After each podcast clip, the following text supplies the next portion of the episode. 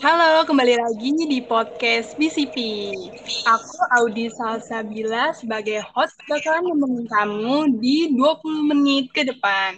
Pembahasan kali ini jarang banget nih didiskusiin sama anak-anak muda zaman sekarang, yaitu masa depan kantor berita di arena forum bebas digital. Asik ya pembahasan kali ini. Apalagi aku ditemenin sama teman-teman dari kampus ISIP Jakarta. Ada Kak Adila, Kaudrey, dan Kak Tasya. Mereka ini mahasiswa jurnalistik loh, jadi bisa banget nih jawabnya sama topik yang aku angkat. Oke, yang pertama untuk Kak Adila dulu ya. Apa perbedaan kantor berita yang dulu dan yang sekarang? Terus gimana nasibnya di kantor berita sekarang ini? Ya, jadi uh, aku akan menjawab pertanyaan dari Audi. Perbedaan kantor berita dahulu dan sekarang itu, kalau dulu memang kantor berita itu viral karena ia menjadi agen berita, menjadi penyampaian berita. Semua semua orang tuh ingin mendapatkan berita dari kantor berita. Dahulu uh, semua orang itu mendapat berita dari kantor berita, kalau sekarang itu kan bisa dari internet. Kira-kira analognya pertama seperti itu ya. Terus uh, kalau dulu tuh kalau dulu itu informasi dari kantor berita tidak secara langsung menjangkau khalayak, tetapi melalui media massa. Kalau sekarang kantor berita bisa menyasar ke publik selain tetap mensuplai berita ke media massa. Dulu juga kantor berita berperan sebagai broker informasi, sekarang kantor berita tidak tidak lagi sekedar broker atau distributor informasi, tetapi juga sebagai produser informasi dan penjual informasi melalui berbagai platform media via internet. Kantor berita kini bisa langsung menyasar individu dalam jumlah massal di media sosial. Kalau tadi pertanyaan terakhirnya, uh, gimana kantor berita itu sekarang? Realistisnya kantor berita itu tetap diperlukan ya sebab distribusi informasinya yang belum merata karena perlu suplai-suplai ke daerah sebab Indonesia ini uh, kan demikian luasnya. Itu sih dari saya Hmm, begitu ya. Jadi, kalau dulu uh, semua orang itu kan uh, ad, uh, ada koran, ada radio gitu kan dari kantor berita gitu ya kak. Dan ya, kalau sekarang itu mereka eh, seakan-akan kayak nggak eh apa ya bukan nggak butuh sih butuh tapi nggak begitu intens banget gitu ya karena uh, udah ada internet udah ada macam-macam tinggal klik udah udah nemu berita yang lagi viral gitu ya terus nasib uh, si kantor beritanya sekarang itu juga uh, bukan memperhatikan juga sih ya masih masih agak menurun gitu ya, masih menurun gitu. Oke, terima kasih Kak Adila untuk jawabannya. Dan sekarang selanjutnya aku lanjut ke tak ke Kak Tasya nih. Bagaimana agar kantor berita bisa bersaing dengan media sosial dengan seiring berjalannya waktu? Ya, kita kan berubah setiap, tahun banyak media sosial jadi media sosial uh, menjadi lawan Maaf, kata Tasya suaranya nggak begitu terdengar. Oh, ya. Udah, jalan. Ya. Ya, metamorfosis metamorfosis berita tuh berubah dari bawah selera masyarakat tuh berubah setiap tahunnya karena perkembangan teknologi yang terus terus berkembang mengusik model-model kantor berita permasalahan dari kantor berita dan industri press seluruh dunia itu ya masalahnya media sosial. Media sosial menggunakan agregator yang bekerja yang bekerja sama misalkan algoritma mana uh, dari yang berita-berita yang banyak menarik algoritma itu uh, banyak. Secara otomatis masuk ke mesin pencarian seperti tahu, babe dan lain-lain tapi media sosial juga bisa menjadi peluang untuk menyebarkan uh, berita gitu. Nah, itu nggak jadi ya, apa enggak? mau ya? Jadi uh, jadi uh, uh, nama apa namanya uh, sos, apa namanya uh, berita itu uh, kantor berita itu butuh sosial media kah untuk uh, apa uh, istilahnya promosi begitu apa bagaimana? Ya. Bisa. Kantor berita menggunakan sosial media buat nyebarin berita-berita yang terbaru ya lewat Facebook, Twitter, kan begitu. Oke, terima kasih Kak Tasya atas jawabannya. Dan ya. sekarang, last but not least, Kak Audrey. Kan banyak nih ya berita-berita yang mementingkan kecepatan daripada akurasi. Dan yang penting beritanya juga hot dulu nih ya biar cuan gitu ya. nah, bagaimana cara mengimplementasikan etika jurnalistik di tengah banyaknya info yang membludak? Nah, jadi uh, kode etik itu sendiri itu wajib uh, dimiliki oleh wartawan. Karena di zaman sekarang ini, di era sekarang kita nggak dapat informasi kan nggak cuma dari laman-laman berita aja kan, tapi kita bisa dapat dari mana pun, Instagram, TikTok, Facebook dan dan sebagainya. Dan uh, kecepatan itu jadi suatu hal yang penting sebenarnya. Namun kalau kita dapat dari sosial media itu kan kita kurang kurang ada akurasi yang ad, yang dimiliki oleh berita tersebut kan. Nah sementara uh, kalau kita mendapatkan berita dari kantor berita yang yang uh, sudah pasti uh, dijamin uh, akurasinya, namun mungkin kecepatannya uh, agak sedikit lebih uh, lebih lambat daripada sosial media yang yang ada sekarang. Nah, untuk me mengimplementasikannya di tengah uh, banyaknya info yang membludak, pasti balik lagi ke wartawan karena wartawan itu wajib memiliki kode etik uh, wartawan. Wartawan harus bersikap independen, menghasilkan berita yang akurat, berimbang dan tidak uh, beretikat buruk terhadap uh, isi dalam berita tersebut. Lalu juga wartawan harus uh, menguji informasi yang didapat dan memberitakan uh, secara berimbang. Jadi nggak nggak ada berat sebelah dalam sebuah berita.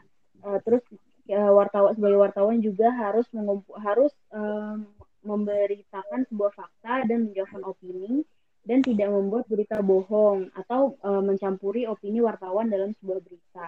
Dan wartawan uh, narasumber of the record atau narasumber yang uh, tidak mau diungkap identitasnya nggak cuma wartawan aja harus mengimplementasikan kode etik jurnalistik, tapi kita sebagai netizen atau sebagai uh, pembaca berita juga harus uh, mengimplementasikan kode etik jurnalistik atau setidaknya mengetahui uh, hal-hal penting dalam kode etik jurnalistik agar nggak uh, tertipu sama berita-berita yang uh, banyak keluar di sosial media. Karena kan banyak juga berita-berita hoax, uh, banyak juga berita-berita yang ya udah penting cepet aja viral aja. Tapi padahal sebenarnya isinya uh, banyak bohongnya daripada benernya baik uh, uh, kak kalau ini aku juga mau nanya nih uh, hmm. kalau dalam istilah jurnalistik yang baru itu ada apa aja ya kak kayak misal uh, yang orang cocok itu sebutannya apa gitu-gitu kak uh, jurnalistik ramah anak itu ya? Iya, ya. ramah anak sama yang yang disabilitas. Ya. Uh, ya itu uh, sebenarnya kan baru viral kan yang kemarin tentang ibu siapa wali kota Surabaya? Ibu Risma, Ibu Risma. Ibu Risma, Ibu Risma yang tentang anak di, uh, difabel dan uh, disuruh untuk berbicara dan segala macamnya sebenarnya itu uh, juga uh, bi bukan dibilang mungkin konteksnya bukan melanggar tapi uh, dianggap oleh orang-orang sebenarnya bukan begitu caranya untuk memperlakukan anak difabel dan makanya itu ada ada kode etik untuk uh, ramah anak dan disabilitas gitu. Uh, adanya kode etik itu diperuntukkan untuk orang-orang uh, yang uh, seperti mereka biar uh, pembahasan dalam berita itu ya tidak tidak menjelek-jelekan atau mem membahas secara langsung kekurangan fisik mereka gitu. Mm-hmm. Berarti setiap jurnalistik uh, buat nanya-nanya atau mencari berita juga punya etika ya. Dan menulisnya enggak bukan yeah. menulis jurnalistiknya pun uh, juga ada etika. Ya, terima kasih jawabannya. Nah sekarang aku udah nanya ya satu-satu buat teman-teman kita ini. Sekarang mau ngasih satu pertanyaan buat kalian semua. Nih menurut kalian kita itu perlu nggak sih kantor berita di era dunia sosmed ini yang tinggal kita klik Twitter ataupun TikTok langsung dapat info dari cuma scroll scroll doang gitu. Cepet banget ya apa yang dibicarain sekarang? Silakan dijawab. Mau mulai dari siapa nih? Kak dulu deh. Gimana pendapat kakak? Karena kan ini uh, termasuk materi kakak juga sih Kalau buat Oh, Alila ya? Kata Tasya, kata Tasya. Oh, aku. Uh, aku butuh sih, karena kan terlebih kebanyakan banyak yang main sosial media gitu ya. Karena banyak itu yang kayak berita-berita yang dari portal-portal berita di web itu yang belum ada faktanya, baru ada isu-isu aja, itu udah digarap. Mungkin kalau yang kayak kantor berita gitu. Udah ada faktanya dulu bisa ditanggapi dulu tuh bisa lebih kayak lebih percaya gitu daripada yang kayak portal-portal berita yang asal comot-comot dari sana sini. Ya aku sih betul hmm oke. Okay. terima kasih Kak Tasya atas pendapatnya. Kalau Kak Aldi sendiri gimana? Kalau dari aku sendiri uh, sama seperti Tasya tadi realita, eh, realitasnya yang tadi aku udah ngomong juga kita tuh tetap butuh kantor berita. Tetap diperlukan kantor berita karena uh, mungkin lebih terpercaya pertama ya. Terus uh, distribusi informasinya itu kan kalau dari media sosial kan mungkin ada yang belum mendapat informasi. Kalau ada yang belum mendapatkan informasi kalau belum melihat internet atau ada yang nggak punya HP juga kan mungkin emang bisa jadi belum merata karena perlu karena juga kita perlu supply supply ke daerah nah le lewat kantor berita ini mungkin kita bisa menyebarkan informasi dengan secara merata ke Indonesia ini yang demikian luasnya. Oke, terima kasih terima kasih juga buat jawaban Kak Adila. Nah, sekarang jawabannya Kak Audrey gimana? Uh, sama sama teman-teman yang lain kalau kantor berita itu dibutuhkan untuk uh, akurasi berita dan dan persebaran berita ya karena nggak semua daerah bisa kayak kata Adila tadi nggak semua daerah bisa dijangkau oleh internet. Jadi pasti masih banyak uh, warga-warga atau masyarakat di luar sana yang masih mengandalkan berita-berita dari koran uh, majalah yang masih membutuhkan uh, asupan berita dari kantor berita. Namun uh, balik lagi untuk uh, uh, kalangan atau kategori umur ya. Kadang kalau misalkan kantor berita itu kan uh, biasanya berita-berita yang diupload di platform-platform yang uh, tepat yang maksudnya bukan platform sosial media. Sementara kita sebagai uh, yang netizen rata-rata itu anak muda gitu. Jadi uh, pasti masih masih banyak dari mereka yang kurang ngerti untuk membedakan mana sih berita dari uh, kantor berita dan mana berita yang emang disebar aja gitu di sosial media dan buat buat uh, minatnya minat dari netizen yang seumuran sama kita kita ini maksudnya seumuran 20 tahun 20 tahunan itu pasti masih lebih minat untuk membaca berita dari platform-platform sosial media. Kayak berita itu kan juga udah banyak banget diupload di platform sosial media kayak uh, di Instagram itu banyak banget. Ada USS Fit, ada Volix Media, ada apalagi tuh? Banyak banget kan platform-platform yang merepost berita-berita dari kantor berita itu sendiri bahkan. Dan bahkan lebih banyak dibaca di sosial media itu setelah di berapa kali di repost di repost dan akhirnya baru dibaca di situ gitu. Jadi sebenarnya kantor kantor uh, berita itu masih dibutuhkan namun uh, untuk minatnya kalau kalau kita ngomongin minat balik lagi pasti masih banyak yang lebih mudah untuk menemukan berita di sosial media. Gitu. Eh, sama aku mau nambahin. Kalau bisa ya, boleh. kayak gimana ya mengikuti zaman gitu loh kayak di USS itu ya banyak juga sama kalangan-kalangan gunain bahasa-bahasa yang mudah dimengerti gitu banyak-banyak infografiknya Hmm. Oke, jadi rata-rata, eh bukan rata-rata, semua jawaban sama ya. Ya, kantor berita itu masih penting di hidup di era sekarang ini karena untuk penyebarannya itu emang dari kantor beritanya ya. Uh, aku jadi apa dapat pertanyaan lagi nih. Uh, kantor berita penting uh, penyebaran ke daerah-daerah yang belum dapat internet itu misalkan. Nah, bagaimana caranya uh,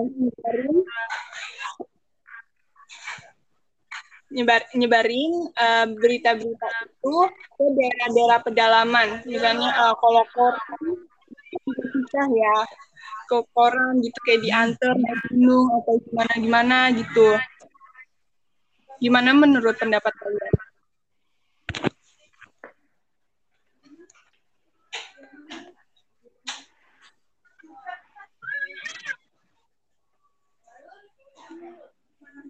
Mau siapa uh, dulu?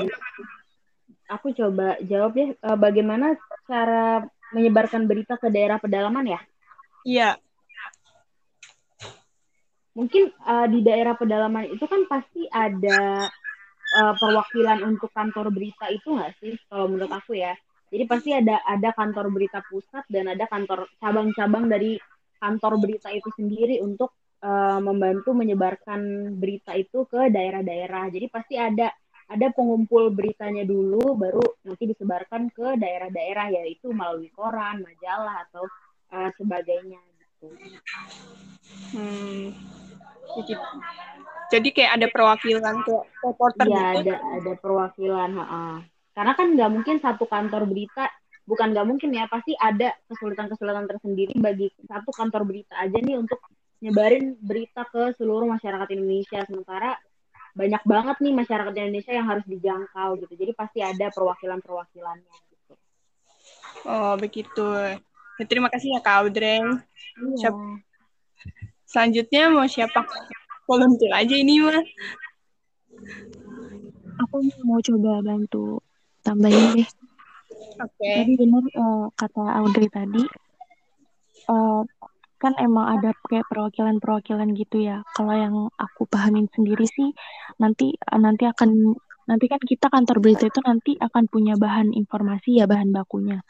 Nanti akan dikonfigurasi ulang dan dikonversi menjadi berita berita yang layak untuk dikonsumsi pembaca uh, kita masyarakat kita melalui media massa kantor berita uh, yang merupakan kan emang kantor berita, berita merupakan kayak pedagang berita gitu ya nanti akan disuplai informasinya ke ke media cetak lalu disebarkan mungkin ke daerah-daerah yang memang belum bisa terjangkau oleh uh, apa namanya tadi sosial media ya gitu sih. Oke, okay. mungkin kata Tasya ada tambahan sedikit.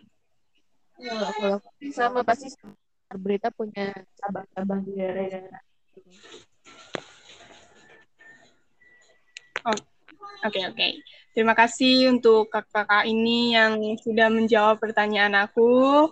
Kita udah diskusi macam-macam ya, uh, bagaimana apa perbedaan kantor berita, nasibnya, terus uh, untuk menyeimbangi si kantor berita dengan sosial media yang pesat ini, lalu juga uh, gimana sih uh, mengimplementasikan etika jurnalistik di banyaknya info juga.